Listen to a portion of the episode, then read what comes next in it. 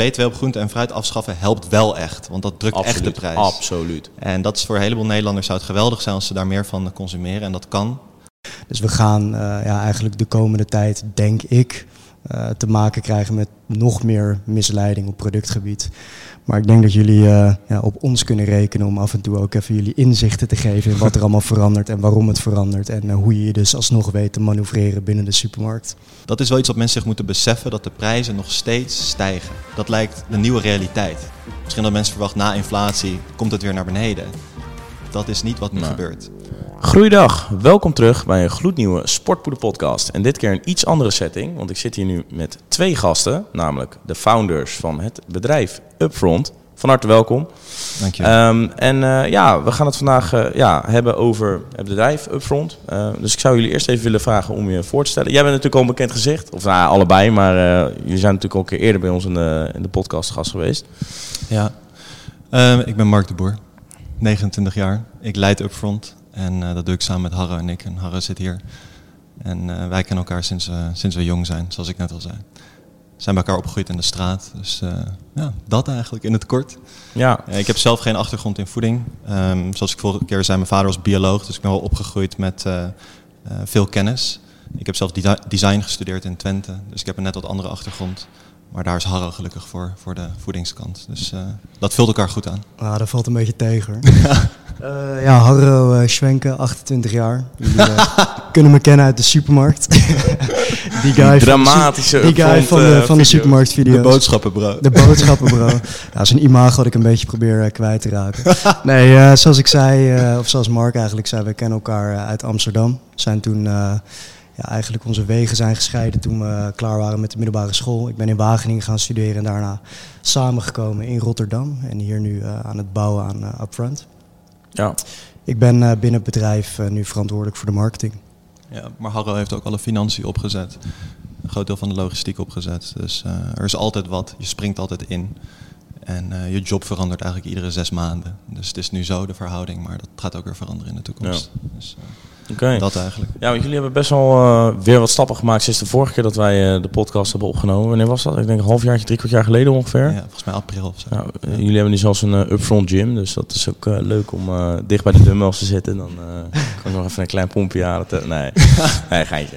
Nee, maar ja, mooie stappen gemaakt. Toen wij de vorige keer spraken, toen lagen jullie volgens mij net aan, of toen waren de plannen om naar de supermarkt te gaan. Dat was toen volgens mij nog niet helemaal rond. En Ja. nou ja, wa- waar staan we nu?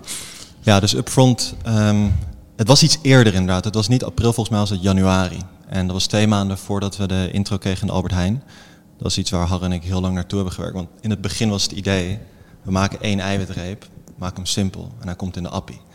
Eh, maar toen kwam corona, dus zijn we heel snel eh, omgeschakeld naar, eh, naar het online segment. En dus we hebben daar drie jaar naartoe gewerkt. En achteraf had ik wel een heleboel dingen anders willen doen. Maar in één keer lagen we in eigenlijk bijna alle appies in Nederland. En dat heeft eigenlijk ervoor gezorgd dat we nu wat stappen kunnen maken. Ook omdat je bouwt je bedrijf eigenlijk, misschien een beetje technisch, maar, maar je bouwt je bedrijf op marges die je online maakt. En daar komt ineens offline retail supermarkten komen daarbij. En dus ehm, daar is het marge eigenlijk direct het netto marge. Dat hou je, dat hou je direct over. Dus normaal je hebt je, je hebt je productinkoopprijs en daar moet je nog alles van betalen als je dat eenmaal aftrekt. Ehm, maar hier hou je alles over omdat we onze business al eigenlijk winstgevend hadden met online.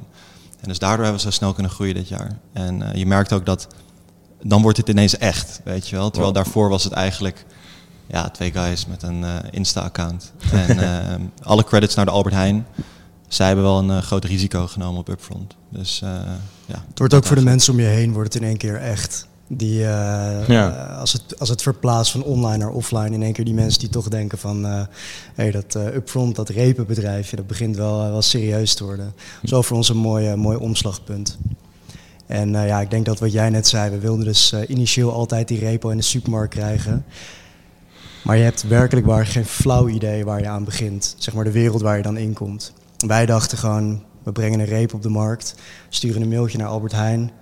Ambitieuze gasten, let's go. Nou, dat was eh, absoluut, eh, dat zat er zeker niet wat meer bij Ja. kijken. Het is een traject van ongeveer één jaar. Dus één jaar lang ben je in onderhandeling, in discussie.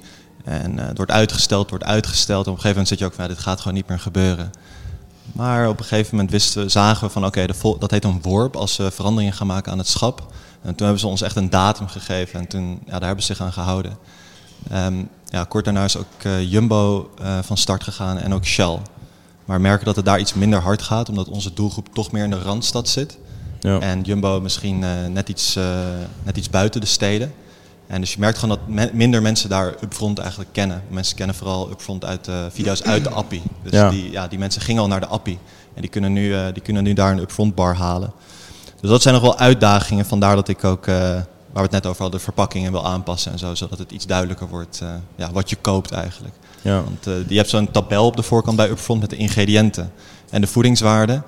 Maar ja, daardoor heb je eigenlijk helemaal geen ruimte meer om echt ja, marketing te doen op je verpakking. Dus het is een hele saaie verpakking eigenlijk. Nou, dat valt op zichzelf ook al wel op in het schap, want ons schap is heel kleurrijk. Maar voor de meeste mensen is het alsnog gewoon saai. En spreekt het niet echt tot de verbeelding. En eh, ja, dat zijn dingen waar we nu aan moeten werken. Want we hebben nu ja, dat, we, hebben nu een we hebben nu een kleine doelgroep, maar uiteindelijk moeten we dus weten heel Nederland te bereiken. Daar zijn weer andere, andere dingen voor nodig. Ja. Dus, eh, Ja, het is ook wat, dan kom ik toch weer terug bij jou, want jullie staan natuurlijk ook wel een beetje bekend om eh, nou ja, de, de, kritische blik op de, op de big food, om maar zo te zeggen, in de supermarkt. Natuurlijk wat voor marketingtrucjes, dramatische marketingtrucjes daar worden uitgevoerd, et cetera. Eh, dat is natuurlijk voor jullie denk ik ook wel een beetje lastig, dat je dat niet zelf gaat gebruiken.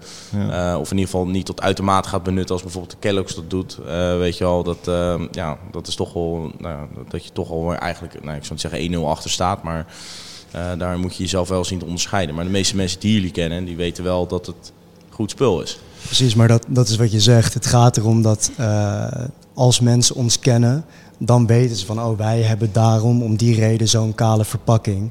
Maar voor de mensen die ons niet kennen, die zitten gewoon, wat de fuck is dit? Weet je wel? Waar zijn alle claims? Wat is dit voor een product? Wat doet dit voor me?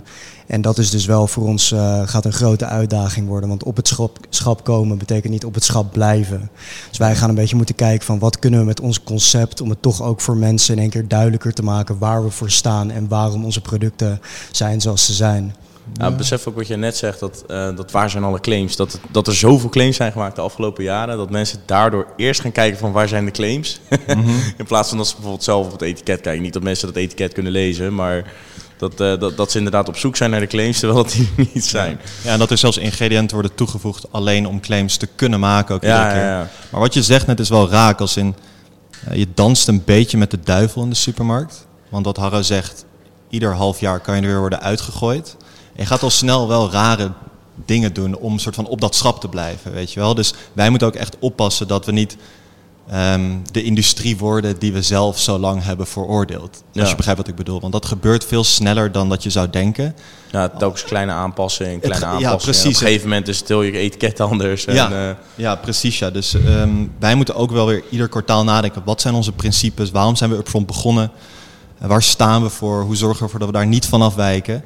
Want die supermarkt die wil eigenlijk... eh, ja, je moet gewoon optimaliseren voor verkoop. En als dat tegenvalt, ga je al snel trucjes uithalen. eh, om maar te zorgen dat het weer eh, ja, Ja. gaat lopen eigenlijk. Eh, en met succes. Sommige mensen of sommige bedrijven passen net iets aan aan de verpakking. En eh, boeken daarna gigantisch succes, terwijl het daarvoor helemaal niet liep. Dus ehm, ja, dat, dat is heel gevaarlijk.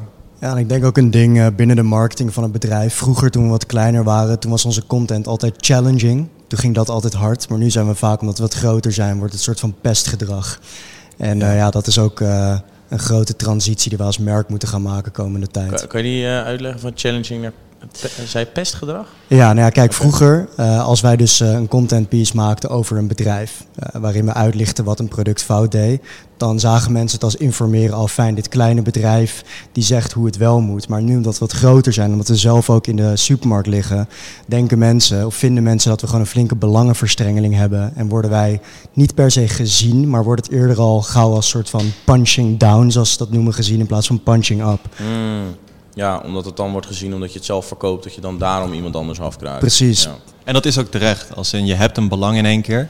Yep. Dus om dan ineens een ander merk gewoon heel erg aan de schandpaal te gaan nagelen.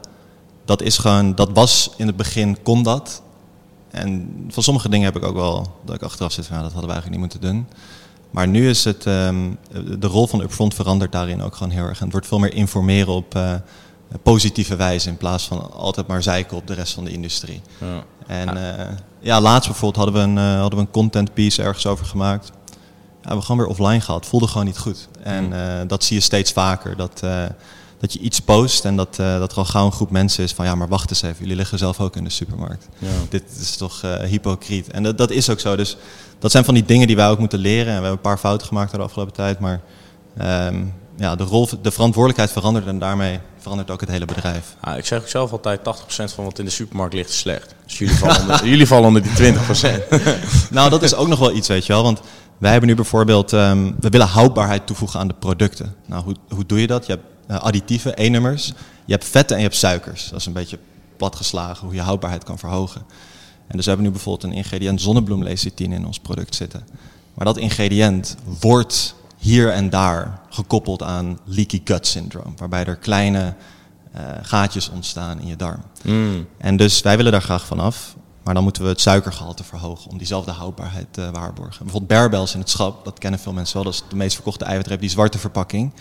Eh, die is 12 maanden houdbaar. Ons product is 6 maanden houdbaar. Dat betekent al dat er best wel veel derving is. Dat we vaak dingen moeten eh, ja, spoed verkopen op Foodello of op, Nou, op je mag ze ook aan mij geven hoor. Dat, eh, ik denk dat er genoeg gymrats zijn uit de community die dat ook wel lekker vinden. Dus dat, eh, Ja, dat, nou, dat, dat doen we dus ook. We geven steeds vaker weg. We doen ze gewoon bij orders dan. Gewoon als gratis cadeautje. Maar dan heb je dus een paar opties. Je verhoogt vet. Oké, heel veel calorieën erbij. Je verhoogt suiker. Nou, dan weet je wat er gebeurt. Je krijgt heel veel mensen die zeggen van te hoog in suiker. Of je voegt een additief toe. Dus dat zijn van die dingen waar je heel erg mee moet gaan sp- nou, spelen wil je het dus niet noemen. Je moet eigenlijk gewoon een keuze maken. En onze keuze is nu, ga dan maar hoger in vet en suiker. Maken we het product iets simpeler. Er zitten eh, ja, veel vezels in, veel vetten. Dus eh, het, is, het is wat ons betreft gebalanceerd. Je hoeft niet één keer een hele reep op te eten. Maar dat zijn wel van die, van die afwegingen die je moet maken. Nou ja, dat, ik ben het daar ergens wel mee eens. Kijk, weet je, wat of in ieder geval, als je bijvoorbeeld kijkt naar een eiwitreep, eh, naar mijn mening, kijk, je, je kan dat, mensen consumeren dat meer als, ehm, laat, ik, laat ik even beginnen, eh, vanaf het begin af aan, zeg maar, meestal wordt er in dieet een beetje 80-20 regel gedaan, toch? 80% gezond, 20% ongezond. En die eiwitrepen die hoort dan eigenlijk een beetje onder die 20% ongezond. Je eet een eiwitreep niet om je eiwitdoel te halen, Nee. je eet het meer als een soort lekkernij. En ik zeg ook altijd vaak van, ja, je kan inderdaad zo'n eiwitreep nemen. Die dingen kunnen soms ook hartstikke lekker zijn. Maar eh, het, het kan toch niet dat zoiets lekkers maar bij wijze van spreken 180 calorieën bevat. En dat komt dus vanwege die additieven die erin zitten. Ja. En eh, ja, ik geloof ergens ook wel dat als je het te veel te vaak consumeert, dat dat op een gegeven moment eh, zijn tol zal eisen. Ik zal niet zeggen dat je de dood aan zal gaan, maar dat het wel dat al die E-nummers zijn niet goed voor je. Ja, en terwijl- dan denk ik ook van, ja, als het toch een snack is, kan je er beter E-nummer of kan je beter iets meer suiker hebben. Ja.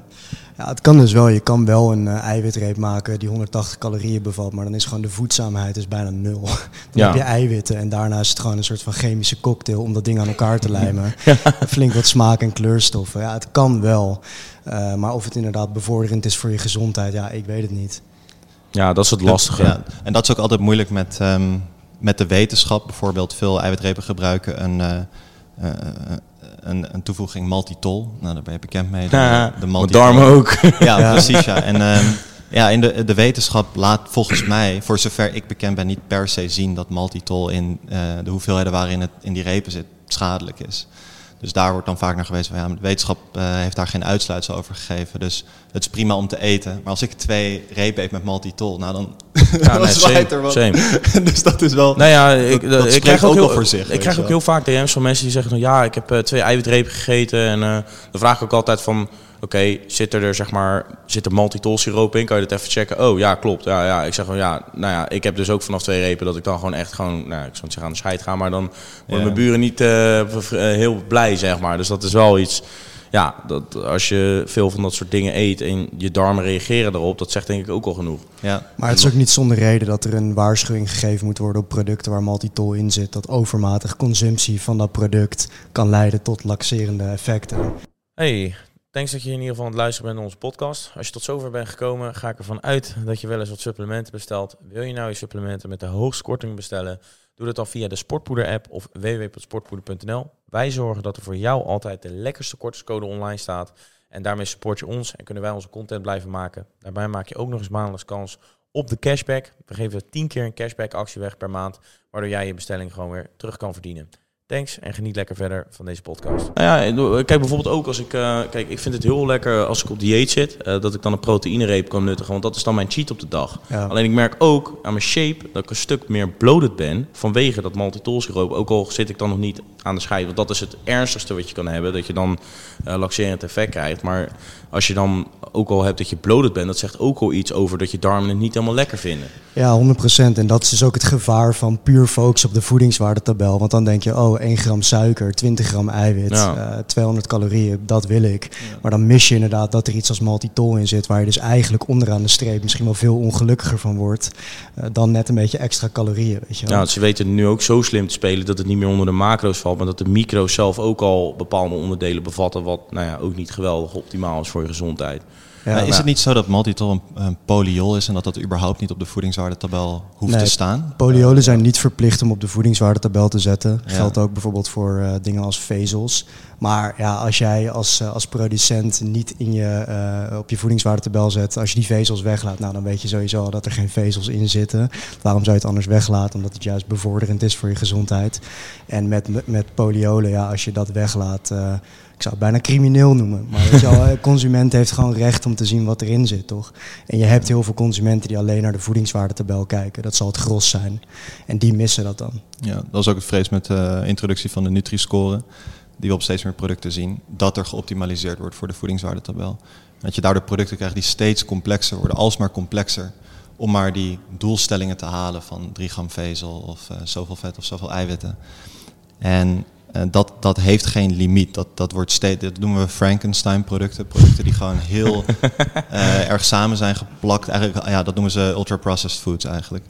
Um, en daar zien we er steeds meer van. En daar helpt de Nutri-score ook niet bij. Want een Nutri, het verschil tussen een A en een B kan misschien wel 30% uh, extra verkopen betekenen in de supermarkt. Ja. Dus daar zitten grote teams van wetenschappers achter die kijken, kunnen wij naar een A? Ja, en ja, die, zit ook steeds meer, die zit ook steeds meer op de. Ja, die zitten natuurlijk ook weer binnen de grenzen te kijken van oh, wat is er mogelijk. En ja. dat, dat, dat is ook het ding. Dat, dat geeft je zeg maar deze marge waar ze mee kunnen spelen, om maar zo te zeggen. Dat wordt dan ook weer ten uiterste benut. En dan worden er ook weer allemaal extra additieven in gestopt, zodat het net iets minder calorieën bevat, maar dat het wel tot die A-stempel behoort. Ja, we zien. Terwijl dat je dan bij wijze van spreken beter net even die 1 gram verzadigde vetten meer kan eten in plaats van al die E-nummers die ze erbij flikkeren. 100%. We zien al dat uh, steeds meer producten nu echt geëngineerd worden naar een betere Nutri-score. Ja. Ik heb het niet bij me, maar een mooi voorbeeld daarvan is uh, Weight Care Afslank Shake. Dat is een product waar volgens mij iets favoriet. Van, waar iets van 40% suiker in zat. Nou, uh, de Nutri-score die kijkt naar suiker, dus dat scoorde ontzettend slecht. En nu hebben ze dus die suiker vervangen door maltodextrine. Nou, dat label je niet als suiker, maar als koolhydraat. en nu scoort het dus veel beter, maar effectief is nog steeds om en nabij hetzelfde product. En dat zijn dus allemaal van die trucjes die nu grootschalig worden ingezet om dus beter te scoren op de, op de Nutri-score. Ja. En, sterker nog, je kan bij, bij zo'n afslankshake kan je beter denk ik suikers hebben dan maltodextrine, omdat het is een vervangings... Uh, of het is een voedingsvervanger. Het is niet een, uh, een additief aan je dieet. Het is natuurlijk in plaats van. Ja. Dus dan zouden die suikers in principe helemaal zo slecht nog niet kunnen zijn. Nee, maar het gaat er vooral om dat een consument gewoon het recht heeft om te weten wat hij koopt. Weet je wel? ja. En dat wordt, dat wordt steeds lastiger. En dat, uh, ja, dat is ook iets wat wij met ons concept proberen te tackelen. Ja. Uh, mensen daarvan bewust proberen te maken. Ja, maar nu Red dat zo zegt over uh, die tussendoortjes. Wij moeten ook niet doen alsof um, onze producten de key tot gezondheid zijn. Want dat zijn ze niet. Het blijft bij de drie verse maaltijden per dag. En daar moeten we wel op letten in de marketing, denk ik. Van oké, dat geluid moet wel duidelijk zijn. Je gaat het niet halen uit je, je snack of je tussendoortje of je supplement. Nee. Um, je gaat het halen uit je drie verse maaltijden. En hoe ouder ik word, hoe meer ik ook daarbij zweer. En inderdaad, als je dan een snack pakt, pak dan een snack die in ieder geval begrijpt, wat mij betreft in ieder geval. Uh, wat mij betreft. Um, maar ik vind dat wel belangrijk dat we dat geluid er wel inhouden. Um, bijvoorbeeld, ik ben ik heb even wat meegenomen. Dat is mijn meal prep.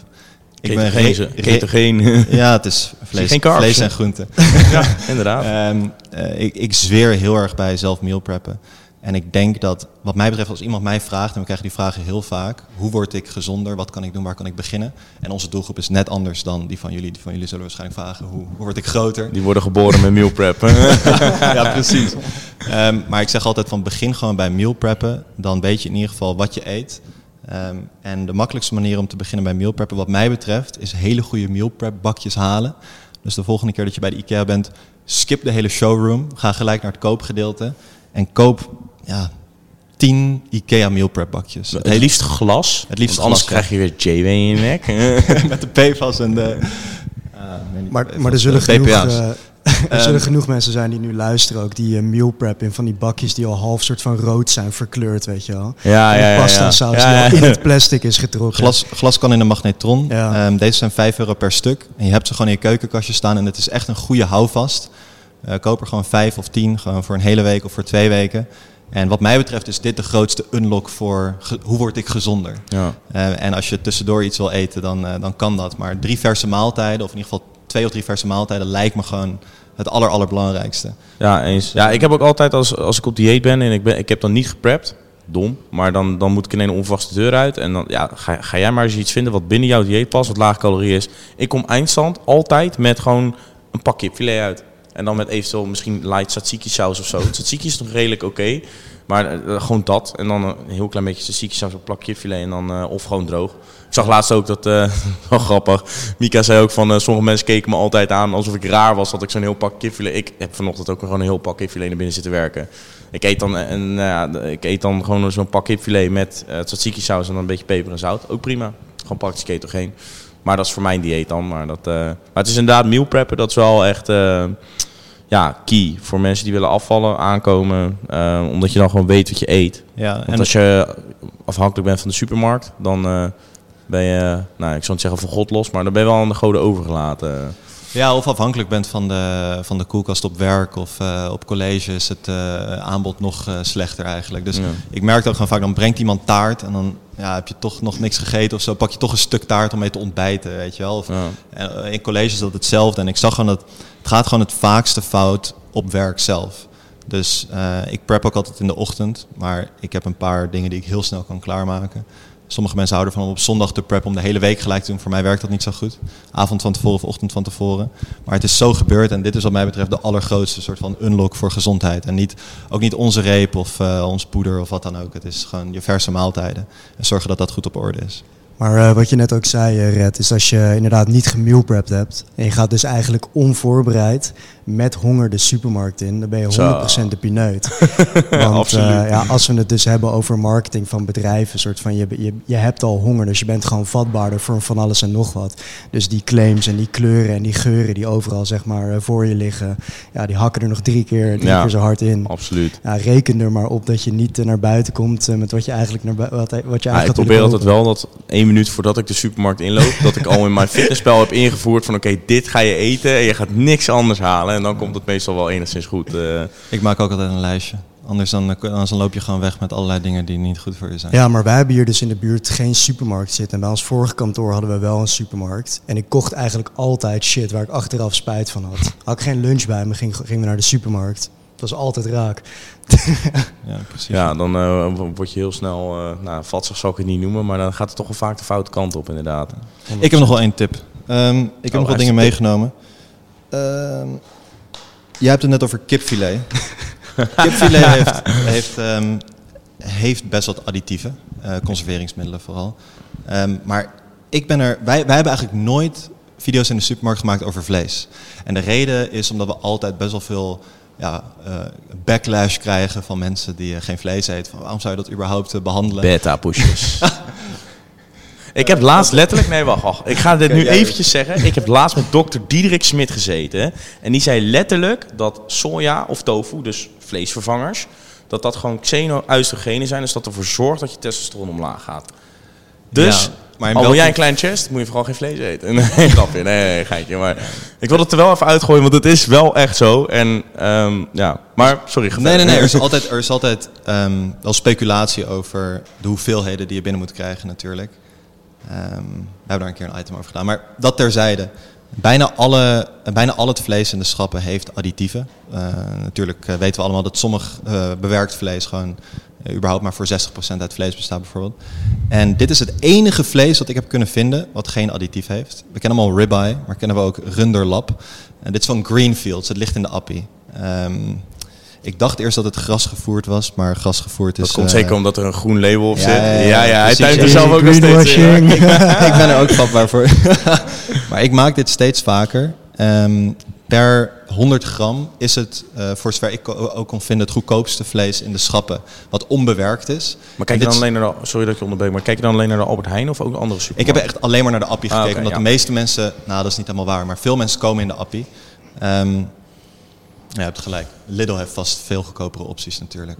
Ja, waar waarschijnlijk nog meer additieven in zitten. Ja, ik vond, het gewoon, ik vond het gewoon een mooie vondst. Als in, Ja, eh, nee, het was het enige vlees zonder additieven. En Ik loop hier altijd langs, dus ik ben wel benieuwd wat je erover te zeggen hebt. Wat je moet doen, in een beetje boter, hoog vuur, even bakken, twee minuten per kant.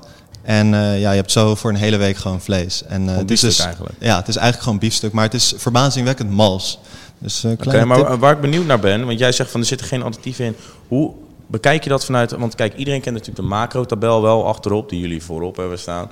Maar als je achterop kijkt in de supermarkt, want ik zit ook altijd te scannen, kijk bij kip en bij rund weet ik het meestal wel. En als ik dan af en toe kijk bijvoorbeeld naar een, ribeye burger, dan denk ik ook van, oh, even die macro's checken. Maar waar zie jij eraan dat er geen additieven in zitten? Waar moet je op letten op de achterkant? Nou, ehm, als een product uit één ingrediënt bestaat, hoef je geen ingrediëntenlijst op het product te drukken. En op dit product staat geen ingrediëntenlijst. Normaal dan draai je product om. Soms Ja. moet je nog even een flapje omdraaien en dan zie je daar ingrediënten, dubbele punt. En dan ingrediënten van veel naar weinig. Dus van in aflopende volgorde. Oh, Eerste ja, ingrediënt is veel, laatste ingrediënt is het minste. Maar als een product maar uit één ingrediënt bestaat, bijvoorbeeld havermout, daar staat ook geen ingrediëntenlijst op. Ehm, nou, misschien dat ik nu iets eh, zeg wat niet waar is, maar eh, het is in ieder geval zo. Ik Het kijk is, even niet, het, is niet, het is niet verplicht Het is inderdaad. niet verplicht, nee. Maar veel producenten kiezen ervoor om als- alsnog erop te drukken, puur vanuit transparantie oogpunt. Ja, maar zij hebben het dus niet opgedrukt, dus dan ga ik er ook echt vanuit dat er maar één ingrediënt in zit. Want dat kan alleen maar als er één ingrediënt in zit. Ja. Maar Dus dan staat er in principe, niks. Gewoon, er staat info. ik neem deze stiekem mee naar huis. Nee, je mag hem meenemen. Je mag hem meenemen. Kijken. Eh, ja, het staat er inderdaad niet op. Nee. Hm. Dus, eh, En, Maar ik zie eh, deze wel altijd liggen inderdaad. Ja. Het ziet er ook wel, maar dit, dit is in principe eigenlijk gewoon een soort biefstuk. het, is een, het is een soort biefstuk, maar normaal als je... eh, mijn erva- ervaring was als je biefstuk kocht in de supermarkt, dan was hij altijd heel erg taai. En ik moet zeggen, als je eentje kiest waar veel vet in zit, dan, ehm, dan is hij heel erg goed te doen. Eigenlijk haast een soort van ribeye. Ja. En dus ik ben hier helemaal, ik zweer hier helemaal bij. Als ik vlees eet, pak ik de runderlap van Greenfields. Ik het je, de kogelbiefstuk van de Aldi is beter dan de kogelbiefstuk van de Albert Heijn. ja? ik maak geen geintje en die is ook nog echt veel goedkoper. maar ik eh, ik, koop vaak eh, eh, ingevroren. Ja? Dat is eh, langer houdbaar. En eh, naar mijn mening verbeterde kwaliteit. Maar ik heb dus niet gekeken naar die additieven die erin zitten of niet. Maar ik ga altijd, omdat wij hebben zeg maar een Albert Heijn bij ons op dorp. Daar ga ik af en toe naartoe voor de huismerkproducten. Maar ehm, daar is bijvoorbeeld weer de kalkoenfilet goedkoper. Maar de kipfilet is weer goedkoper bij de, bij de Aldi bij mij. Eh, en de, de biefstuk, want dat is vaak mijn avondmaaltijd.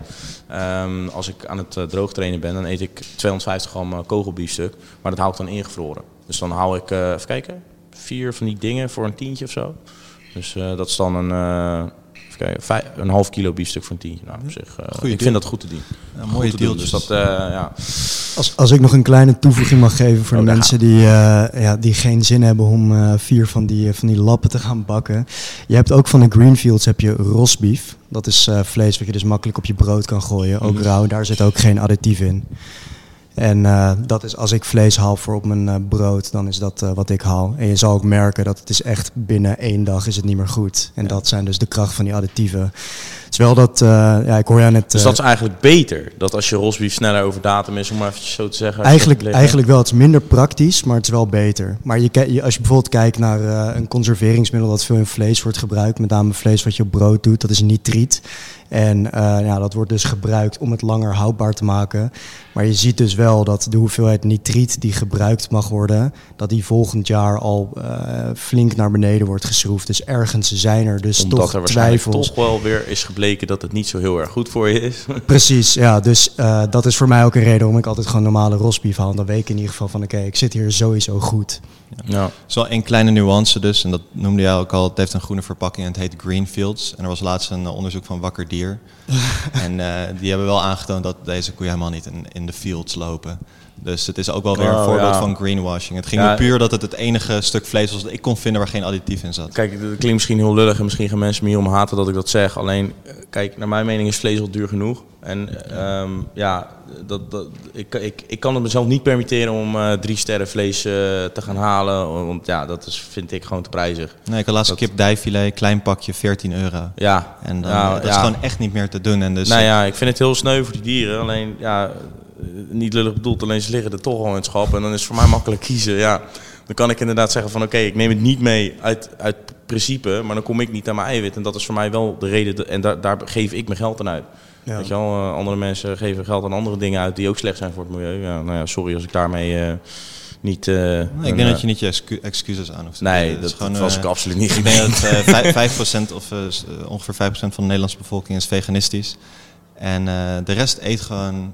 Ja, heel veel mensen eten vlees. Je ziet, zien jullie ook een beetje een pullback in het, eh, Ja, in het eh, niet vlees eten? Want ja, voor Heel- mij, eh, heel het is niet meer zo populair als dat het eh, ooit voorgedaan is. eh. Ja, sterker nog, wij hoorden een paar dagen geleden, onze productontwikkelaars die waren naar een grote beurs. En daar wordt verteld dat in Amerika collageen-eiwit nu populairder is geworden dan vegan-eiwit. Dus het is echt, eh, ja, de, de, de, de trend in de markt die is heel erg aan het afnemen. Ja, het is wel bijzonder dat, eh, ja, dat, dat dat eerst zo super populair was. Ja. Maar ik denk ook dat het, zeg maar, kijk, je hebt marketing natuurlijk, hoe je het neerzet. En ik denk dat dat heel goed gedaan is in de afgelopen jaren. Ook natuurlijk de politiek die daar een rol in speelt. Maar het hebt ook smaak. En als jij iets gaat nabootsen wat naar vlees moet gaan smaken, zonder er te veel troep in te stoppen, dan is het echt niet te hachelen. Want dat heb ik echt heel vaak. Ik heb het wel eens een keertje geprobeerd. Toen dacht ik, nou, sorry, ik blijf gewoon eh, carnivore. Of in ieder geval, ik, ik word geen veganist of wat dan ook. eh. en ja, ik vind het vaak ook gewoon niet lekker. Ik moet, e- ik moet echt compenseren met saus om het lekker te maken.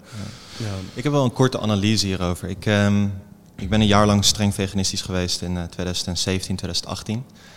En ik denk dat de veganisten, en dit is alleen maar credits naar de veganisten, want eh, ze denken er veel over na.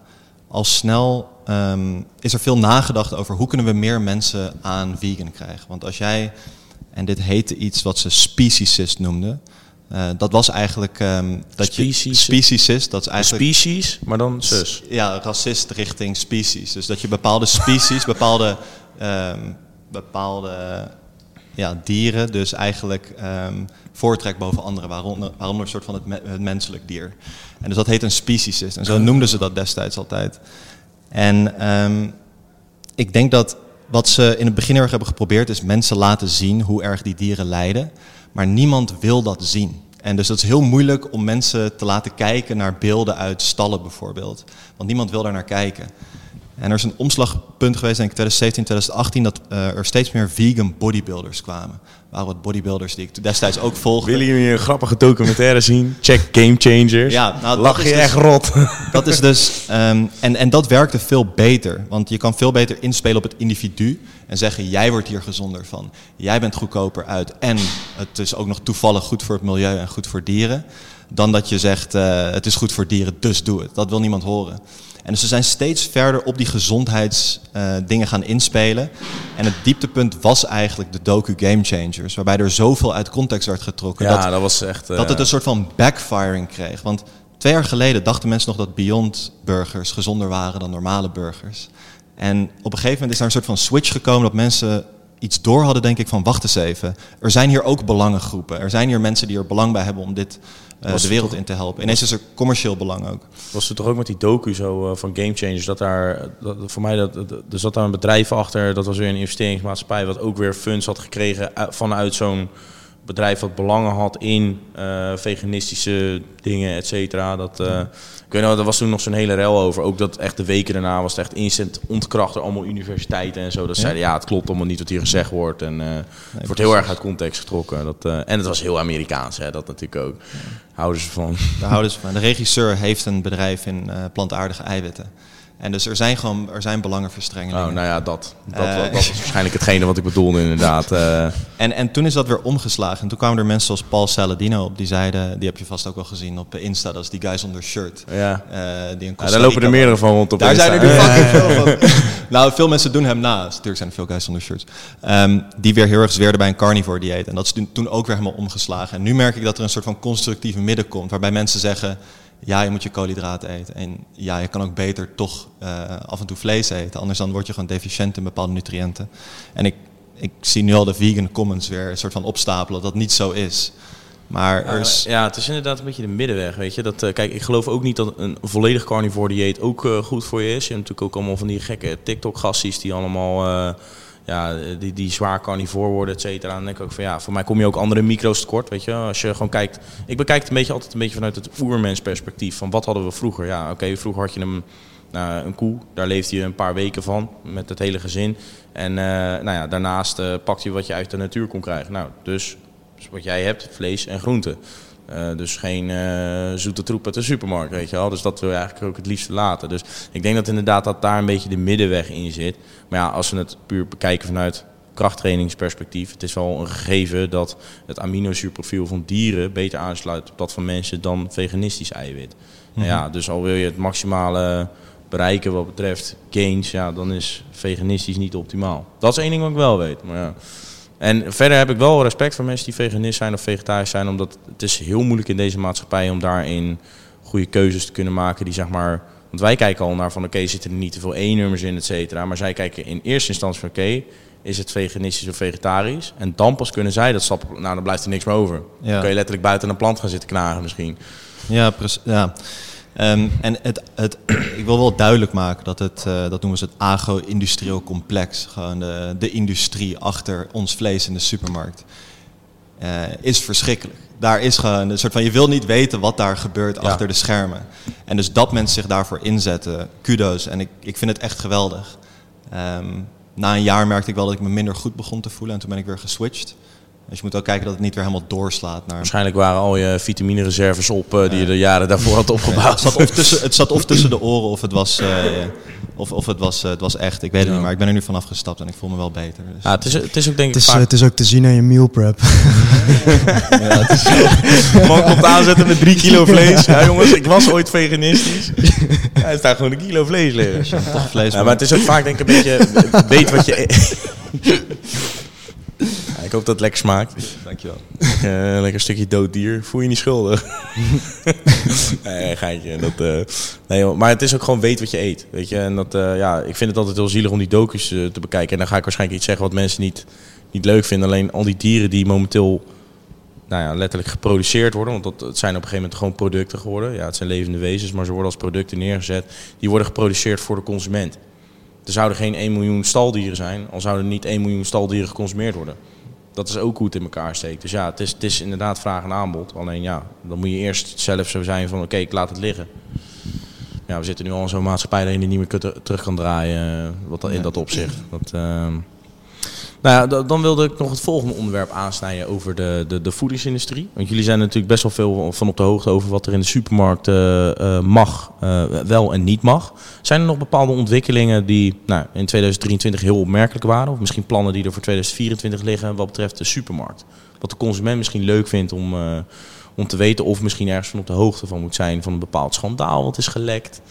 En dan mag je best wel een concurrent aan de schandpaal nagelen. Want, Nee, eh, dat is niet per se nodig. Ik vond het heel erg bijzonder dat de BTW op groente en fruit niet kon worden afgeschaft. Omdat ze er niet over uit konden wat, eh, wat groente en fruit nou precies was. En dat eh, Rutte in de supermarkt stond en wees naar een... eh, volgens mij, zo kan ik me herinneren in ieder geval, wees naar een, eh, een pizza met... eh, met eh, ik veel. Ja, maar die man die heeft wel vaak, die man heeft wel vaker, die man heeft wel vaker met zijn last van eh, geheugenverlies volgens mij, want Ja. eh, hij heeft daar geen actieve herinnering aan. Ja, precies. Ja. En ik vond dat wel een dieptepunt. Dat, je het, dat het wetvoorstel er ligt, dat het volgens mij ook is aangenomen. Ja, hè? het Maar- was echt heel ver al. Ja, maar dat ze er niet over uit. Het is letterlijk een afgebakende sectie in de motherfucking supermarkt. Weet je wel? Het is, het is al voor je afgebakend. Dat is die 20% die wel gezond Ja. is. Ja, je loopt binnen en dit is al voor je afgebakend. Ja. En dan, ja, en dan, dan lopen ze stuk op zo'n eh, bureaucratische discussie. En dat, dat, dat BTW op groente en fruit afschaffen helpt wel echt. Want dat drukt echt de prijs. Absoluut. En dat is voor een heleboel Nederlanders zou het geweldig zijn als ze daar meer van consumeren. En dat kan. Ik denk ook dat het automatisch een veel betere shift zal. Want heel veel mensen die maken hem, die gaan naar de supermarkt toe. We hebben natuurlijk best wel hoge inflatie de afgelopen jaren gehad. Als je ook kijkt naar besteedbaar inkomen is in verhouding ook steeds, of de koopkracht is steeds lager geworden Ja. in verhouding. Dus ik denk, eh, heel veel beslissingen in de supermarkt zijn natuurlijk ook gebaseerd op, ehm, nou ja, gewoon op budget. Ja, Dus als groente en fruit inderdaad goedkoper wordt. Als het stel dat het straks goedkoper wordt dan eh, dat, dat, dat een bak tomaatje goedkoper wordt dan een, eh, dan een Snickers. Nou, reken maar dat mensen uiteindelijk dat soort keuzes gaan maken. In ieder geval niet iedereen, maar wel een veel groter gedeelte. ja. En ik denk dat je dat ook veel sneller zal terugzien in de gezondheidscijfers. Ja, en dat is nog iets wat mensen moeten weten, is dat prijzen stijgen nog steeds. Wij hebben op, eh, nu wel een goed grip op de grondstoffenmarkt. In de zomer eh, zijn prijzen iets gedaald. En wij zien nu dat de prijzen van, eh, van haver, van bijeiwit, dat die echt weer de pan uitstijgen. En dat zie je best wel snel terug in de supermarkt. Heel veel bedrijven voeren dat gewoon één op één door.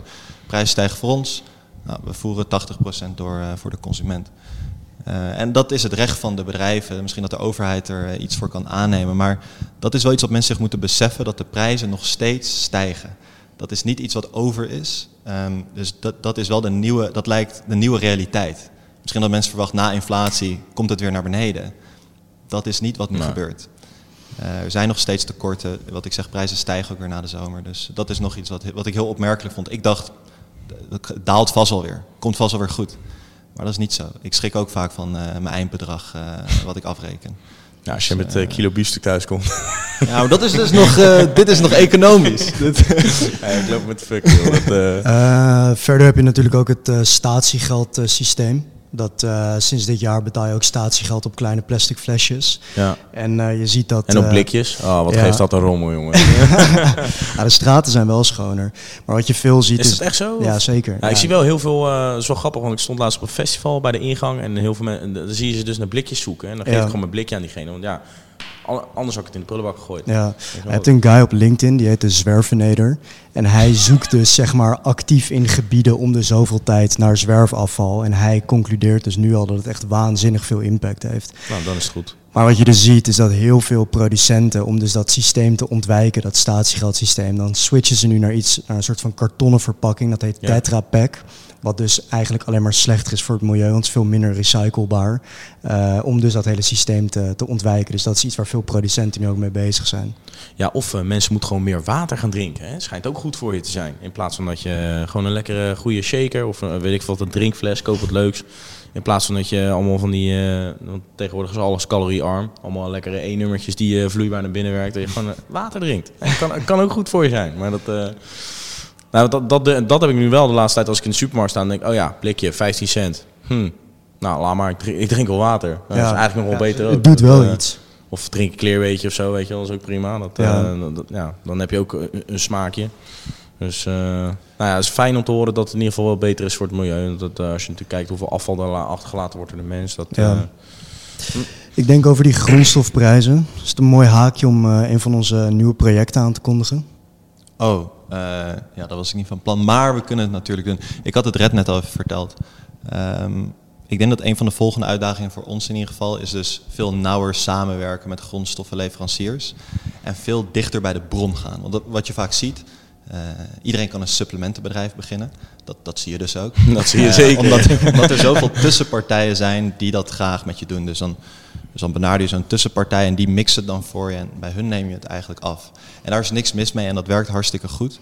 Maar wij eh, denken, als je echt op grote schaal impact wil hebben, dan zal je veel dichter bij de bron moeten gaan, eh, gaan zitten. En dus we hebben nu eh, met een grote Nederlandse zuivelfabrikant een nieuw way wat we introduceren. Nederlands trots. Nederlands trots. En dit is een way die ehm, voor de verandering wordt gehaald uit melkproductie en niet uit kaas, waar de meeste way vandaan komt. Ehm, Ja, en, misschien...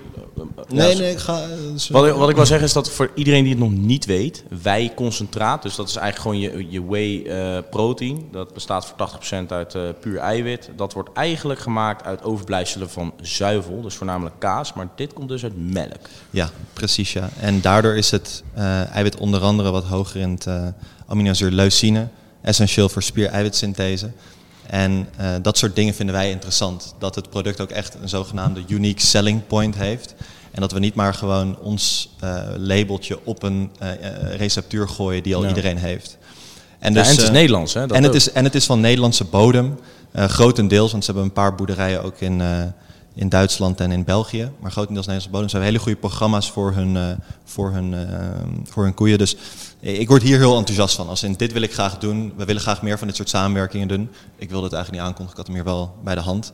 Voor het, Ehm, voor het geval dat. maar ehm, eh, hier, word ik, hier word ik enthousiast van. Want hier kan Upfront ook echt iets doen. Want hier neem je af per 10.000 kilo. Dit is niet meer afnemen eh, 200 kilo. En weet je wel, dit zijn hele grote commitments die je moet gaan maken.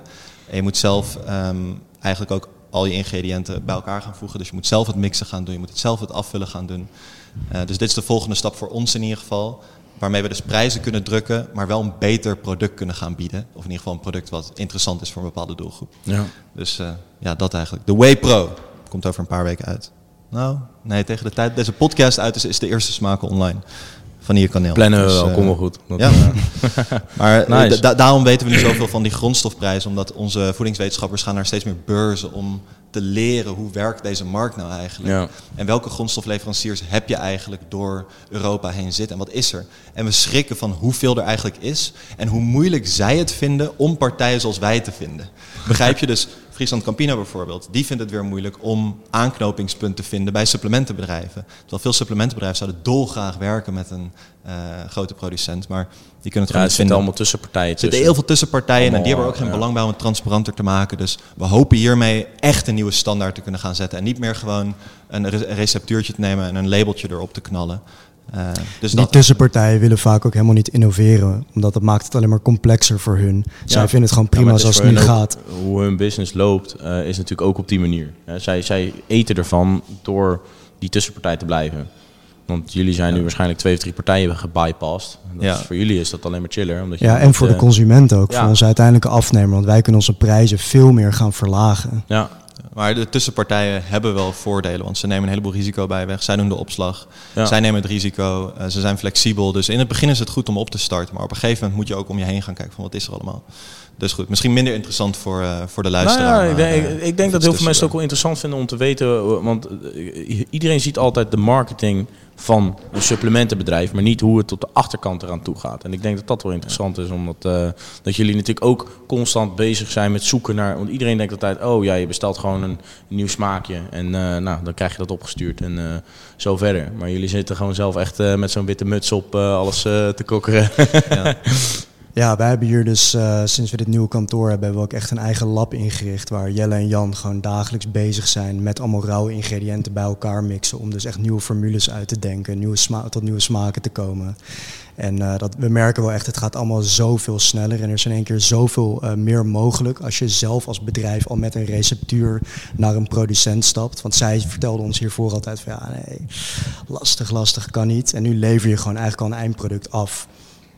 En dan wordt het alleen nog maar gefine-tuned. En dan, eh, Precies, dan moet je even kijken van hoe werkt het op een vullijn. Maar eh, ja, wij merken dat het proces gaat zoveel sneller. En je voelt je ook veel meer, ja, je staat veel meer in je eigen kracht om te doen wat je wil doen. Omdat je dus eh, niet per se volgens de regels van die producent speelt. Ja. We hadden het er net ook al over, maar als je een bedrijf aan het opbouwen bent of een onderneming, eh, wat dan ook, dan heb je altijd de keuze, herinvesteer je nu en pluk je eh, later de vruchten of pluk je nu de vruchten. En ik denk gewoon hoe langer je dat vooruit kan schuiven, hoe groter het voordeel uiteindelijk wordt voor jezelf en ook voor de consument. En dus dit zijn voor ons grote investeringen, maar jullie doen volgens mij hetzelfde. Jullie kiezen er ook steeds voor om door te ontwikkelen. Een nieuwe Ja. app, een nieuwe site, nieuwe programma's, nieuwe content. En dat is denk ik het hele eieren eten. Dat je steeds kijkt van oké, we zijn nu hier. Het, het kan, we hebben een idee, we hebben een visie van waar het naartoe kan. Laten we gewoon daarvoor gaan. En laten we alles wat we nu hebben verdiend weer daarop inzetten. Ja, Want dat heeft tot nu toe gewerkt. Ja. Dus eh, dat, dat, dat moeten wij heel erg leren. En dat is ook deze plek die we hier hebben omgebouwd. Dat is voor ons soort van de fundering waarop Upfront kan gaan groeien. Ja, als je als eh, supplementbedrijf je eigen gym hebt, dan kan je wel zeggen dat je het gemaakt hebt. Hoor. Dankjewel. dat is voor mij een green flag.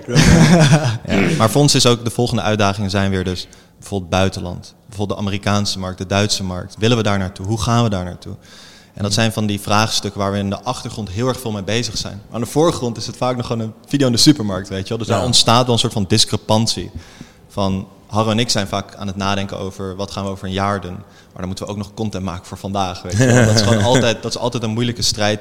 Nou, moeilijk wil ik niet zeggen, maar het is gewoon altijd uh, lastig om dat uh, bij elkaar te brengen. Die lange termijn en die dag tot dag. Um, en dus we, we, zitten bijvoorbeeld vaak in de weekenden om het te hebben over de lange termijn. En dan gedurende de week is het gewoon knallen, uitvoeren, uitvoeren, uitvoeren. En dan zitten we in de weekend om ja, de, ja. de, de, de, visie te bespreken. Negen dagen per week. Negen dagen per week. Nee, het valt, uh, we maken niet hele lange dagen. Zijn er nog andere dingen in 2024 uh, die eraan zitten te komen voor jullie? Uh, voor ons als bedrijf zijn of vanuit de voedings, uh, vanuit de levensmiddelenindustrie? Mm, eerst up front. Ja, we, willen, we hebben hier tegenover een, uh, een loods gehuurd. Dat noemen we UGC, Upfront Giga Center. Ik wou net zeggen, dat is die grote loods die je een half jaar geleden ja, laat zien. Toch? Ja, en daar willen we... Um, daar willen we beginnen met eigen productie. En uh, dat is denk ik waar de, waar de soort van uh, de kansen liggen. Dat uh, één bedrijf, ISN doet dit ook trouwens, ze zijn hier echt niet nieuw in. Maar op, je hebt maar een paar producten waar je de meeste omzet mee doet. En die producten die moet je eigenlijk um, deels zelf gaan produceren. En dus een ruimte inrichten in die loods die voedselveilig is. Nou, dat zijn gigantische investeringen. Je moet allemaal hermetisch afsluiten. Er zijn heel veel, heleboel protocollen voor nodig. Nou, daarvoor hebben we onze voedingswetenschappers. Nou, onze Jelle en Jan moet ik zeggen. En dat is de grote uitdaging. Van hoe zet je die productie hierop op een manier dat je een prijs kan gaan bieden waar, waar de klant heel veel aan heeft. Want eiwitpoeder is eiwitpoeder uiteindelijk. Het, het, het, het belandt in je keukenkastje en that's it. Het is niet een, het is niet een t-shirt of uh, iets van een... Het heeft, geen, het heeft weinig merkwaarde.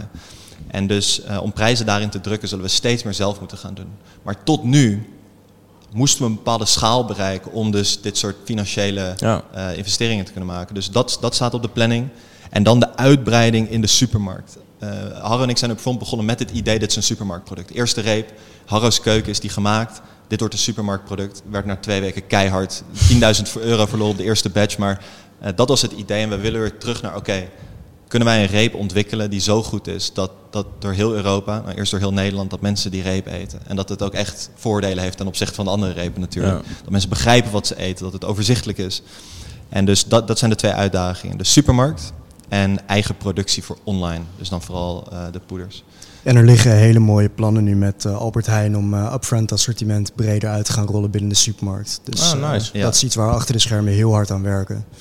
Zitten jullie misschien ook over na te denken, misschien trap ik nu al een deur in die nog niet open mocht, maar om een uh, bepaald voedingsproduct in de supermarkt uit te brengen? Want we hebben natuurlijk altijd standaard onze pakken melk uh, of andere voedingsproducten.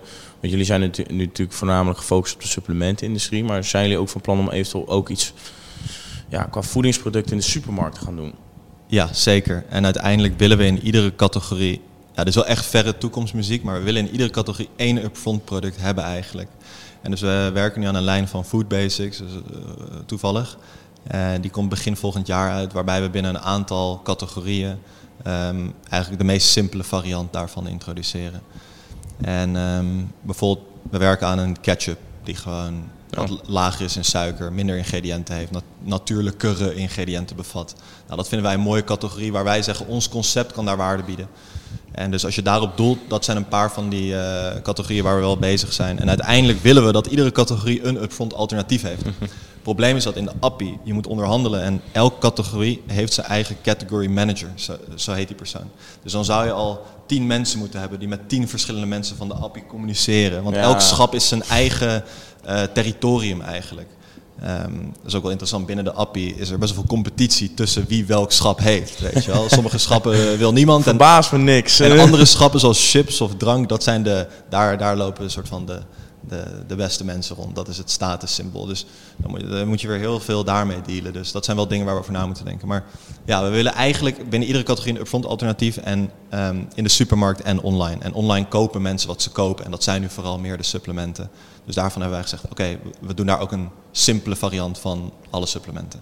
Ja. Uh, dus misschien dat ik nog iets mis. Maar... Nee, ja, het is wel belangrijk om dat te kunnen realiseren dat we gewoon de fundering nu goed leggen van, uh, van upfront. Ik denk dat uiteindelijk willen we concurreren met echt de grote big food bedrijven. Maar dan hebben we het wel echt over vijf, tien jaar in de toekomst. Nou ja, misschien met een beetje geluk uh, gaat de politiek ook mee bewegen. Want dan wordt de big food heel erg op zijn vingers getikt. En dan zitten jullie al binnen de safe zone. Of in ieder geval, als jullie niet meer binnen de safe zone zitten, dan weet ik het ook niet meer. Dus dan, ja, dan, dan, dan op een gegeven moment worden die grote jongens worden steeds meer teruggeslagen. En dan kom je vanzelf op hetzelfde niveau. Ja, maar eigenlijk ook wat je aan het begin zei, is 80% van de supermarkt is troep. En ergens is dat ook zeker waar. En het zijn vooral de grote uh, internationale bedrijven die in onze supermarkt liggen. En dus met misleidende marketing, zeg maar, onze bevolking uh, ja, aan het vetmesten zijn. Heel, heel plat gezegd. Heel ja, ik wil niet uh, full gekkie gaan, weet je nee, wel. Maar nee, nee, zoals je het plat slaat, dan komt het daar ergens nou ja, wel verleiden, denk ik. Ik denk Precies. dat dat een, de beste toepasselijke term is. Precies. Qua, Als je, qua marketing gewijs. ja. Ja, maar uiteindelijk is dat dus wel een richting waar we naartoe willen bewegen. Zeker. Nou, dat is een mooie doelstelling. En, en verder nog qua ontwikkelingen wat betreft uh, nou ja, Bigfood Nederland in 2024. Staan er daar nog een paar van waarvan je denkt van... Ja. Nou, je hebt natuurlijk, uh, dat is denk ik de grootste verandering, is de Nutri-score die officieel als, uh, als soort van keurmerk uh, geïmplementeerd gaat worden.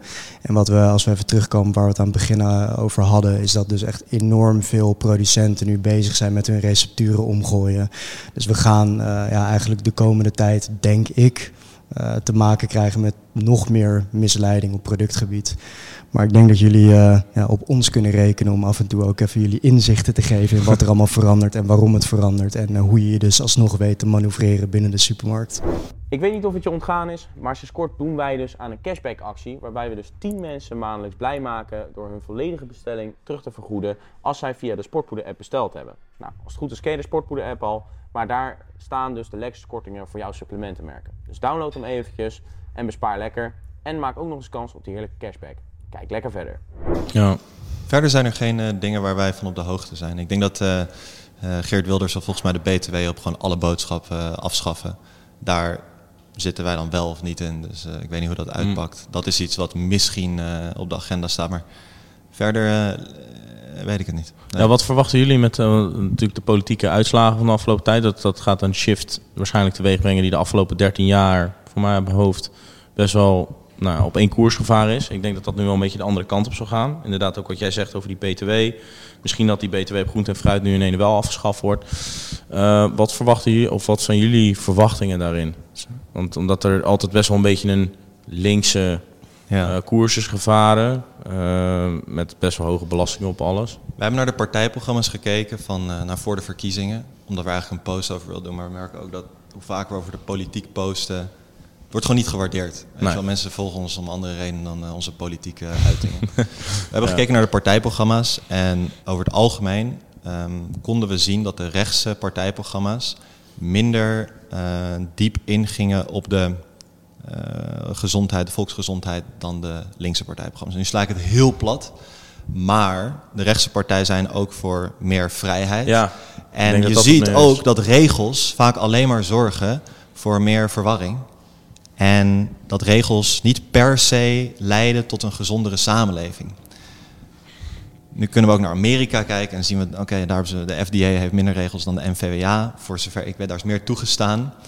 En daar heeft dat niet goed uitgepakt. Dus ik vind het nog een beetje moeilijk. Ja. Maar ik begrijp ook wel waarom de rechtse partij zegt van... oké, okay, niet meer Nutri-score, niet meer initiatieven. Daar worden we niet uh, wijzer van.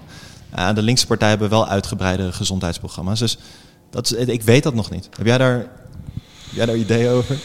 Ik weet het niet. Ik zou het al fijn vinden als mijn kip goedkoper wordt. Ja. Zo simplistisch vind ik dan ook ja, alweer. Ja, ja, maar dat, uh, nee ja, ik, ik, weet niet. Kijk, kan je wel zeggen dat de koers waar we nu op varen, dat het niet goed gaat? Dat is één ding wat ik wel weet. Als je kijkt naar de overgewichtscijfers natuurlijk. Mhm. Mm -hmm. uh, ook met bepaalde, ja, en ik ga toch zeggen, uh, nou, propaganda is misschien een beetje heftig, maar de communicatiekanalen van uh, de overheid die momenteel benut worden, vind ik niet dat dat genoeg ingezet wordt. Um, neem bijvoorbeeld het programma uh, Dikke Vette Leugens. Mm -hmm. vind, vind ik niet goed dat de NPO daar geld in investeert, maar dat is mijn mening. Mm -hmm. uh, omdat, ja, ik, ik zal niet zeggen dat je ze geen platform mag geven, alleen ik vind niet dat je het moet gaan verheerlijken. En dat vind ik ook een beetje het gevaar met die body positivity trend altijd. Dus ja, ik hoop gewoon dat meer mensen bewust worden. En uh, ik hoop gewoon dat er uiteindelijk meer, en dat doen ze al, want wij hebben gymrats die docenten zijn op scholen. Ja. Die zeggen ook van er wordt ook steeds meer gedaan op scholen. Uh, en het is ook juist leuk als je een gymrat als docent voor de klas hebt staan, want dan weet je zeker dat, een, dat diegene altijd eventjes zal zeggen van joh, even wat minder koekjes. Dus zal zien dat het de foute kant op gaat. Mm -hmm. um, dus ja, ik, wat ik denk, ja, ik verwacht, ik hoop dat de BTW omlaag gaat en dat die BTW op groente en fruit, dat dat gewoon eh, wordt afgeschaft. Dat zou helemaal top zijn. Waardoor het contrast gewoon groter wordt tussen gezond en ongezond. En dat gezonde voeding uiteindelijk... Dat, dat is eigenlijk hetgene waar ik op hoop. Dat gezonde voeding goedkoper wordt dan ongezonde voeding. Want dat is denk ik wel iets waar, waar ja, wat het meest logische is wat je kan bedenken. Hoe je overgewicht kan bestrijden. Als we het even vanuit dat uh, standpunt uh, of oogpunt bekijken. Uh, maar ja, dat uh, is toch blijkbaar heel moeilijk om te realiseren. Terwijl dat ik denk, als je kijkt naar wat je aan gezondheidszorg kwijt bent uh, voor, nou ja, op lange termijn voor mensen met obesitas en alle andere vormen van ongezondheid die komen kijken bij overgewicht, dan is dat aanzienlijk wat knaken, om maar zo te zeggen. Maar ja, verder, ik heb geen glazen bol, dus ik weet het niet. Zolang de gym maar niet af, absurd duur wordt of zo, dat zou ik wel jammer vinden. ja, dat zie ik nog niet gebeuren. Ik, nee. vind, het wel, ik, vind, het, ik vind het ook wel jammer dat uh, dat overgewicht zo'n zware topic is geworden. Als daar meer duidelijkheid over zou komen. Ik denk dat uh, dat, dat bijna iedereen ten goede komt. Je hoeft ook niet gemeen te zijn. Nee. Uh, mensen zijn zoals ze zijn. Iedereen heeft zijn zwaktes. En, maar ik denk als het wat bespreekbaarder wordt en we er iets minder zwaar over doen. Beide kanten op dat het gewoon... iets minder zwaar over ja. doen. Je mag naar huis. nee, grapje.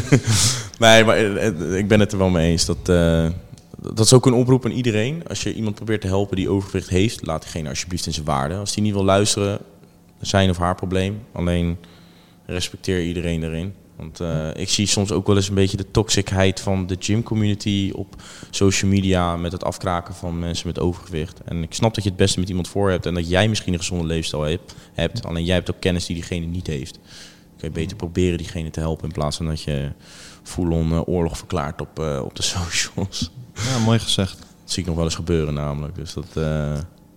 Hebben jullie ook uh, hele lijpe transformaties van mensen die uh, bij Upfront hun eerste bestelling hebben gedaan en dan heel erg zijn afgevallen, et cetera? Ja, en dat kwam, vooral, dat kwam vooral door de eiwitreep. Die was zo hoog in vezels dat veel mensen die zelf gebruikten als dieetreep. Dus die, ja, die zaten echt van dit product heeft mij specifiek geholpen.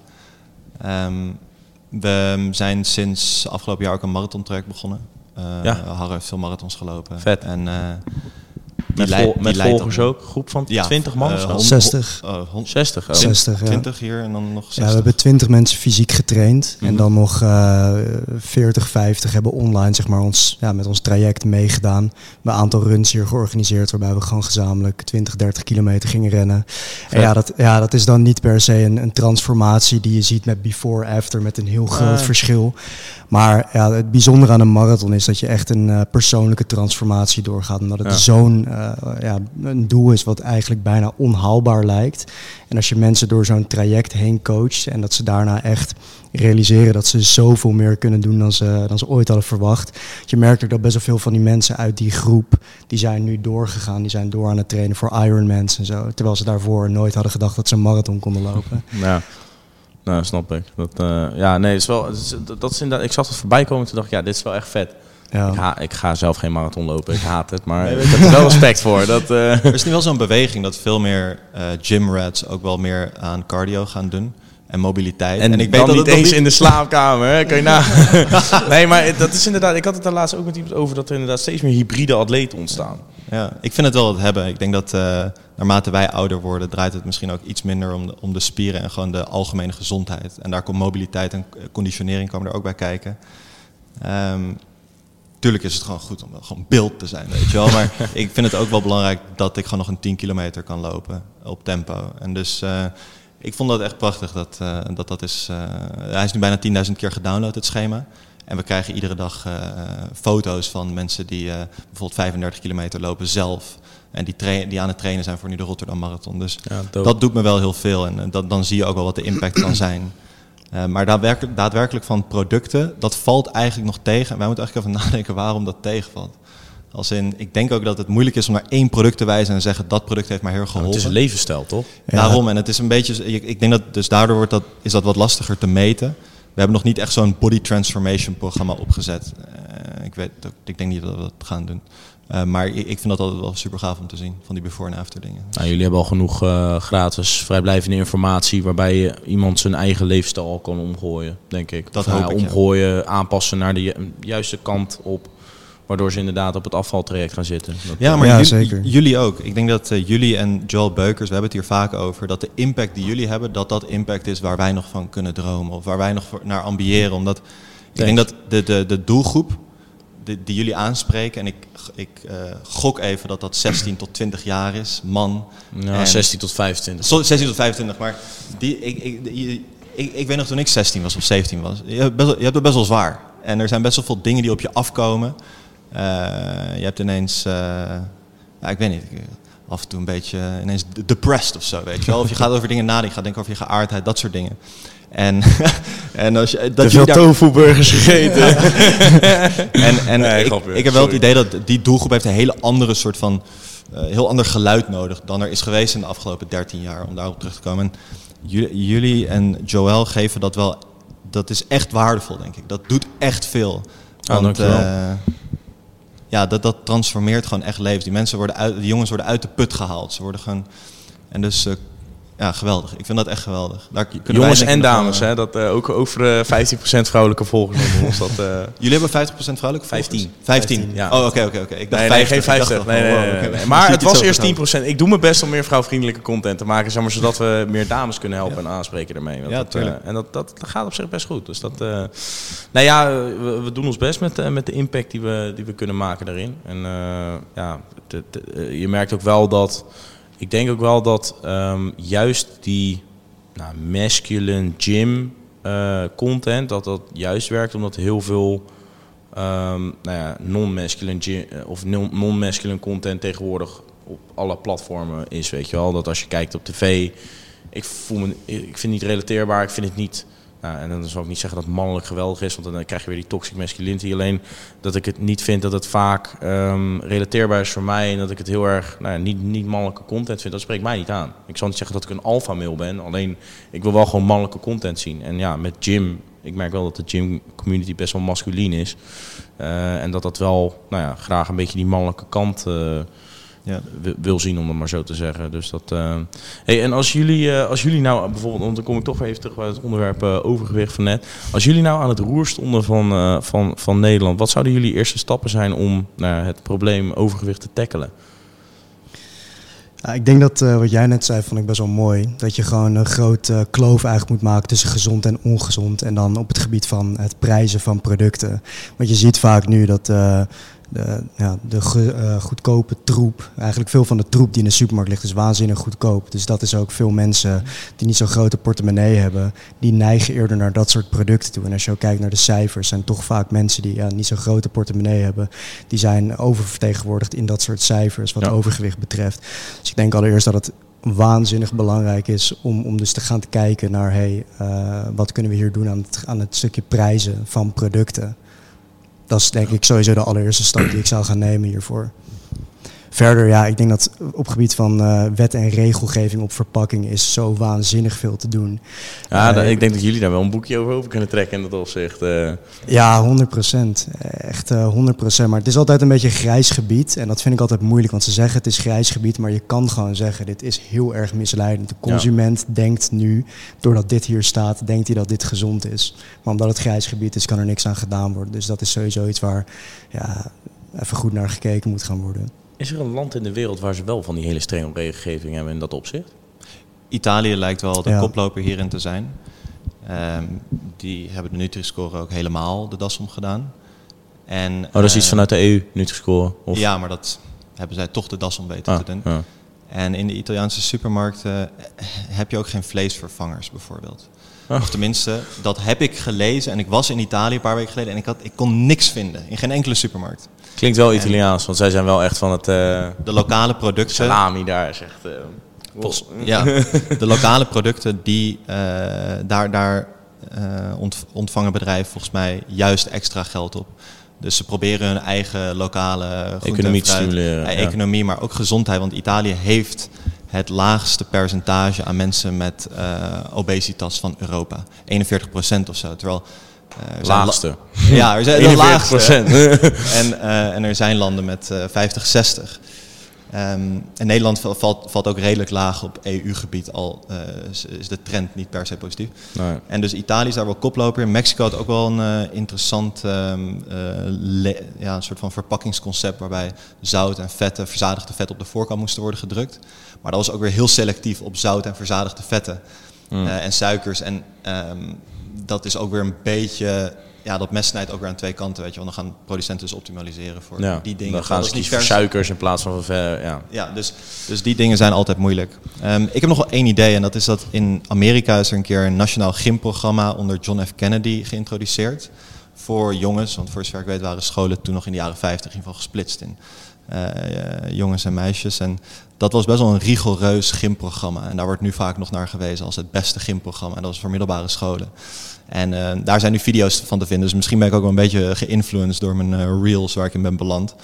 Ehm, maar ik, ik ben er naar gaan kijken en ehm, dat gymprogramma dat, eh, dat, dat bracht ook een bepaalde hiërarchie aan. Als in je kon soort van tot de top behoren als je x aantal pull-ups kunt doen, als je x aantal Mm. push-ups kon doen. En dat, ik denk dat dat wel stimulerend zou Een beetje werken. natuurlijke selectie eigenlijk. Ja, nou, wel, in ieder geval dat er een soort van competitie is. En ik denk dat veel eh, mannen of jongens zouden dat wel leuk vinden. En Ja. dat stimuleert ook echt, denk ik. Maar alleen bij jongens dan. Dat was, ik, heb, ik heb het alleen maar gezien. Jongens waren in de video. Maar ik denk dat daar wel veel te halen valt bij nationale ehm, gymprogramma's die gewoon voor iedereen kunnen worden uitgerold. Die misschien wat rigoureuzer zijn. Of misschien iets meer doordacht zijn dan alleen maar aan ringen zwaaien, zoals ik vaak deed. Of gewoon iets Ja, volleybal precies. of zo, weet je wel. Of iets, Ah, het begint bij de basis. Hè. Op school leer je alles voor de rest van je leven. Waarom is er geen sportschool of in ieder geval een soort van calisthenics parkje of iets waarmee mensen kunnen... Cross- ja, crossfit. verboden worden. Crossfit. verboden worden. Ik ben. Eh, waarom is er geen sportschool op iedere middelbare school, hoe klein die ook is? Eh, dat, dat, soort dingen denk ik kunnen veel doen vanuit een, vanuit een Ja. overheidsniveau. Dus, Oprecht. eh, nou ja, eh, legit. Heb jij bijvoorbeeld wel eens op, eh, op de basis- of middelbare school iets over nou ja, voeding en diëtetiek gehad? Ja, jij bent natuurlijk afgestudeerd uiteindelijk erin, maar Eh, nou, daarvoor. Zeg maar voordat je die keuze had gemaakt om dat te gaan studeren. Ja, ik heb natuurlijk eh, biologie gedaan. Eh, maar ik denk dat voor mij is de grote passie vanuit voeding gewoon gekomen. Omdat ik was vroeger altijd enorm eh, dun. Toen daarna ben ik eh, in een gamers tijdperk ben ik zeg maar een beetje skinny fat geworden. En dat is zeg maar het allerergste wat je kan hebben. Ja. Dat je met een t-shirt ben je extreem dun. En als je dan je t-shirt uitdoet, dan ben je net een beetje chubby of zo. weet je wel. Ja, ja, ja. En ja, toen ben ik dus samen met Mark eh, begonnen met trainen. En als je dus kijkt, gewoon eh, trainen in combinatie met de juiste voeding. Wat dat voor je lichaam kan doen. En eigenlijk ook belangrijker nog voor de, de mentale staat waarin je verkeert. Dat heeft voor mij gewoon zo'n diepe passie voor dat, voor dat hele voedingsgebied eh, eigenlijk eh, aangewakkerd. Ehm, dus ja, ik heb, ik heb NNG eh, gedaan op de middelbare school. Ja, maar dat, dat Maar- was ook niet dat je in een het hele pakket begreep. Nee, je nee, nee, nu ik- van wel van snapt. zeg. Sterker nog, mijn eindexamen biologie, daar ben ik bijna op gezakt. Omdat ik een, ik had een 4.2 en als ik iets lager had, dan was ik af geweest. Dan had ik het opnieuw moeten doen.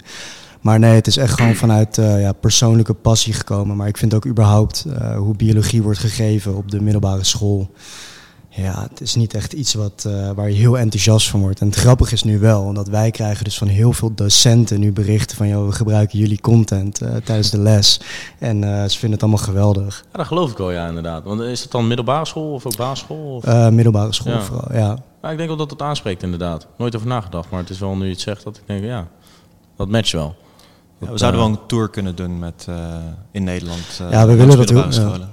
Dat is iets wat ons heel tof lijkt. Als het hier allemaal even iets Nou, stabieler wij, is. Wij hebben daar ooit ook over nagedacht. Of in ieder geval, mij lijkt het ook heel tof om op lange termijn iets voor gewoon de maatschappij te kunnen doen. Gewoon op scholen voorlichting te geven of iets in die trant. Of ja, eh, als dat, eh, als, als dat is wat we- werkt en helpt, dan absoluut. Dat, eh, ja, dat, dat is wel iets moois. Want dan maak je ook direct impact in plaats van dat je afhankelijk... Want ja, no offense, maar de overheid krijgt niet voor elkaar.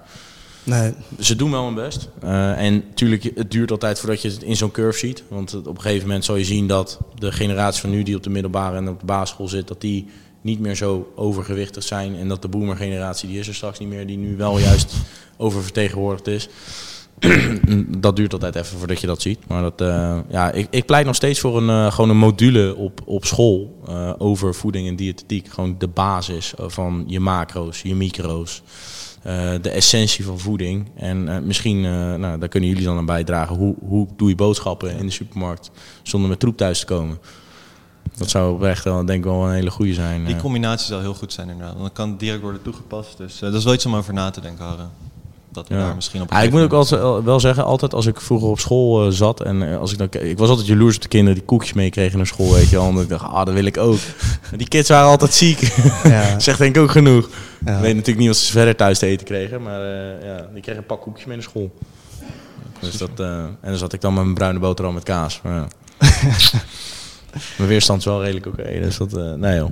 Maar ehm, zijn jullie verder nog... eh, wa- wat is jullie grote plan voor de komende... Nou, Nou, heeft het net al een beetje gezegd, maar wij zien uiteindelijk upfront meer een Unilever kant op gaan. En Unilever heeft wat ons betreft nog veel meer eh, impact dan bijvoorbeeld een, eh een MyProtein. Omdat ze eigenlijk door alle supermarkten op alle plekken liggen. En dat is voor ons de volgende uitdaging. Wij willen graag het volgende Unilever worden, maar dan met wat oprechte wind voorop. En niet eh, met, eh, met de claims. Ehm, en dus dat, dat is voor ons de, de, de, de visie. Wij- willen een big food bedrijf bouwen eigenlijk. Maar dan laten zien dat het ook anders kan. ja. En eh, daar gaat nu gewoon alles in zitten. Maar je merkt nu gewoon dat, ga maar na, van de afgelopen tien jaar, hoeveel nieuwe bedrijven zijn de supermarkt ingekomen die dus die succes hebben geboekt. Ja, dus misschien volg je dat ook. Dus nu zet ik je een beetje Minder goed. Maar ja, het enige wat ik me voor, me voor me in kan beelden zijn meer proteïneachtige dingen. Maar dat zijn allemaal van merken die al bestonden. Die toevallig, omdat je nu die claims moet maken als er meer dan 6 gram eh, per 100 gram proteïne in zit. Mhm. Dan mag je het op je verpakking zetten. Dat is wat al die bedrijven nu doen. Ja. High protein pindakaas, niet te rachen. maar wel een pot van 4,50 euro, weet je wel. Ja. Tweeënhalf keer zo duur als normaal. Dus maar nee, ja, eh, geen eigenlijk. Ja, je hebt Tony's, je hebt de vegetarische slager, je hebt Majoni, je hebt Innocent. En die bedrijven zijn allemaal overgenomen door big food bedrijven, stuk voor stuk. Zodra zo'n product eigenlijk, dat noemen ze een product market fit, zodra ze een doelgroep vinden en het gaat lopen, staan er vijf big food bedrijven klaar, 20, 30 miljoen. Ja, het verandert je leven, dus we moeten ook wel, eh, ja... Dus vaak worden ze heel snel overgekocht. En wij willen graag laten zien dat, ehm dat upfront niet te koop is en dat we het anders kunnen doen. Maar het heeft wel, dat vergt wel een lange adem. En eh, een dans met de duivel hier en daar. Waaronder dus de, de supermarkt. De, waar we, waar Dat we is dus een mee, leuke vergelijking die je maakt. ja, waar we mee moeten onderhandelen nu. Waar we ineens aan tafel zitten en eh, dat spelletje mee moeten spelen. Wat we eigenlijk helemaal niet willen. Maar ook omdat we zoiets hebben van ja, wij willen laten zien dat ons product in de schappen. Dat dat beter kan eh, verkopen dan een product waar wij niet achter staan. Dus eh, ik hoop dat we in Rotterdam, dat is ironisch, want Unilever komt eh, in oorsprong uit Rotterdam, het volgende Unilever kunnen gaan bouwen hier op, de, op het Van Nelle terrein. Gewoon een hele vanillefabriek overkopen. eh. Ja, we zijn, we zijn, wel, heel, ja, ja. we zijn wel close met, eh, eh, met eh, Van Nelle en ze, ze denken echt een heleboel mee met alles. Zij hebben, vertelt, zij hebben ja. hier ook veel mee gedaan, dus eh, ve- veel geholpen. Dus eh, we, we hopen dat die samenwerking gewoon doorkan, maar dat is onze ambitie. Ja. Ja. Eh, met, met, met tijd eh, komt het vanzelf waarschijnlijk. Als je ook kijkt naar hoe jullie er nu bij zitten ten opzichte van de vorige keer dat we hier waren. Nieuwe locatie, een gym. Als je ook kijkt naar die loods, hoe ver jullie, of in ieder geval dat dat nu rond is. Ja. En dat, eh, of nou loods, eh, het, eh, wat was het nou, GC of zo? UGC. UGC, Upfront Gigacenter. We staan er straks zulke kilo's hoog met whey en eh, Ja, precies. gaat iedereen daar proberen in te breken voor zijn gratis eiwitten. Dan, Ik zag laatst dat bij ik zal het adres even niet vrijgeven, jongens. Maar dat, eh, nee. Nee, maar dat, eh, ja, het zijn wel mooie, mooie plannen. Het zou ook wel mooi zijn als dat... eh, want dat, dat is denk ik ook wel een beetje het verschil wat jullie maken ten opzichte van andere supplementenbedrijven. Is dat jullie zijn niet alleen een supplementenbedrijf, maar jullie hebben ook een, ja, een, eh, soort aandeel in de supermarkt. Of in ieder geval, dat is het originele plan ooit geweest. Ja. En dat dat op een gegeven moment uitbreidt. Ja. Dat En het dat- niet ja. alleen een, een niche bedient, namelijk de, de, de, de, de, de krachten of de fitnesser. Alleen ook dat je gewoon uiteindelijk heel Nederland een stuk gezonder kan, kan maken. Ja. Ja. En dat is een stuk informatievoorziening en dus een stuk laten zien dat het ook echt beter kan. Dus Ja. eh, dat is wat we doen. Maar we hebben nog lange weg te gaan en eh Harre en ik zitten nu in best wel, eh, ja, er is veel tumult nu en er verandert wel veel. Dus wij moeten ook wel zorgen dat we het allemaal, allemaal recht houden. Want ja, één, één foutje en ja, je, het is gewoon nog wel veel, veel te doen. Dus, Ja. Ja. Respect. Nou heren, ik denk dat we hem dan eh, kunnen afronden. Ik eh, wil jullie hartelijk bedanken voor de gastvrijheid dat wij hier mochten zijn op een eh, onbekende locatie. Want anders komen jullie hier straks al die way halen. Nee, bij de prachtige Vanellebriek. Dat contrast ook wel, hè. Vanelle is natuurlijk die check. En dat, dat we dan hier nu over gezondheid aan het praten zijn. Nou ja, tha- thanks voor, voor de, of in ieder geval voor de gastvrijheid. Jullie bedankt voor jullie ja, kennis, wijsheid en gezelligheid dat- we met elkaar in gesprek konden gaan. Ehm, volg je op Front nou nog niet op de socials? Doe dat dan eventjes. Waarschijnlijk heb je al lang voorbij zien komen. Ehm, laat even een blauw duimpje achter. Heb je nou nog niet geabonneerd? Abonneer dan gelijk eventjes. En eh, ja, wat oprecht is wint. Wat oprecht is win. Jullie ook bedankt boys. Thanks Red. Thanks. Ciao. Thanks voor het luisteren naar deze heerlijke podcast. En nog even een kleine promotie naar onze eigen Sportpoeder app. Uh, waar je terecht kan voor de lekkerste kortingen op jouw supplementen. En binnenkort nog veel meer zoals voedingsschema's, trainingsschema's en uh, vergelijkingen van supplementen. Download nu de Sportpoeder app in de App Store en in de Google Play Store. Uh, of ga even naar www.sportpoeder.nl. Er staat ook een linkje op. Dus dan word je zo doorverwezen. Thanks voor het luisteren en tot de volgende keer weer. Ciao!